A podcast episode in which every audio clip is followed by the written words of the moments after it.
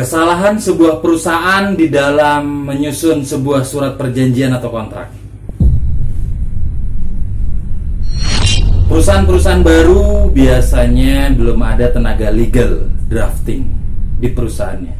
Oleh karenanya, tentunya di dalam menyusun surat-surat perjanjian, kontrak untuk mendukung proses bisnisnya yang dianggapnya sebagai pegangan hukum biasanya sebuah perusahaan baru itu copy paste dari Google atau minta dibuatkan orang-orang tertentu draftnya. Yang tidak diketahui sebuah perusahaan adalah bahwa di dalam menyusun sebuah surat perjanjian tentunya ada psikologi yang harus diperhatikan berkaitan dengan pihak-pihak yang akan mengikatkan diri oleh perusahaan tersebut. Karena setiap pihak itu psikologinya beda. Baik itu alamatnya, baik itu wilayah hukumnya, baik itu masalah hak dan kewajibannya. Jadi tidak bisa mengcopy paste dari Google ataupun membuat draft di mana draft itu dibuat umum dan seluruhnya itu dibuat sama. Itu tidak bisa. Kenapa? Akibatnya adalah perjanjian itu nantinya akan menjadi kertas mati yang hanya sebagai pelengkap penderita. Pada saat ada wan prestasi atau ingkar janji dari pihak-pihak yang menjalankan bisnis bersama oleh perusahaan itu, tentunya tidak dapat berbuat apa-apa. Surat itu akan hanya sebagai pegangan surat. Namun apabila ingin melakukan penuntutan pada saat perusahaan itu mengalami kerugian, atau apa pun yang berkaitan merugikan perusahaan tersebut, makanya tetap harus melalui proses panjang persidangan yang memakan biaya yang cukup besar. Jadi lantas apa hal yang harus diperhatikan oleh sebuah perusahaan?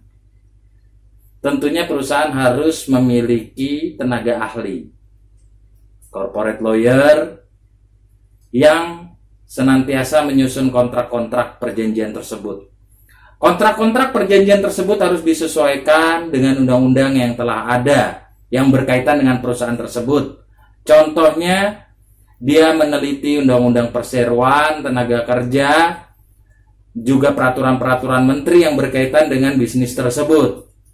Dan juga SOP sebuah perusahaan itu juga harus jadi acuan pegangan untuk melengkapi kontrak tersebut dan juga ada sanksi-sanksi yang mana sanksi tersebut ditulis di dalam klausul klausul kontrak agar perusahaan tersebut tidak mengalami kerugian dan juga keuntungan-keuntungan perusahaan akan terus terjaga di mana apabila ada pelanggaran tentunya perusahaan bukan malah rugi tapi malah untung dengan pelanggaran oleh pihak yang mengikatkan diri kepadanya.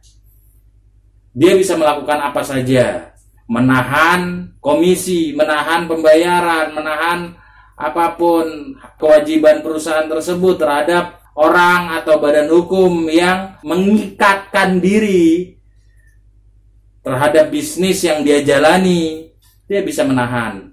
Bahkan dia bisa memberikan penalti. Kalau penyusunan kontrak itu dibuat dengan sempurna. Oleh karenanya, hentikan untuk copy paste sebuah kontrak atau perjanjian di Google karena ini tidak banyak orang yang memahami ini. Akibatnya akan rugi sendiri dan kertas itu hanya jadi kertas mati belaka yang tidak bisa berbuat apa-apa. Semoga video ini bermanfaat. Walaupun penjelasan ini singkat, tapi inilah fakta yang ada di lapangan.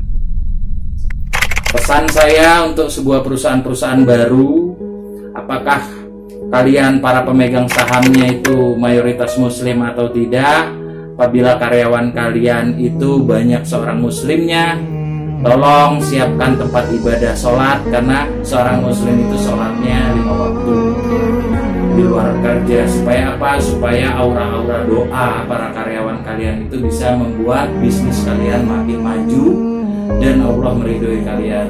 Karena rizki kita bukan karena kepintaran kita, bukan karena upaya atau kerja keras kita saja, melainkan adalah karena Allah Subhanahu wa taala yang memberikan Maka ambillah hati Allah dan jangan merasa sombong di muka bumi. Contohlah Rasulullah dan kehidupan para sahabat pada masanya itu akan membuat hidup kita jauh lebih baik. Insya Allah. Semoga bermanfaat dan buat teman-teman yang telah subscribe channel ini saya ucapkan banyak terima kasih Assalamualaikum warahmatullahi wabarakatuh من ثنيات الوداع وجب الشكر علينا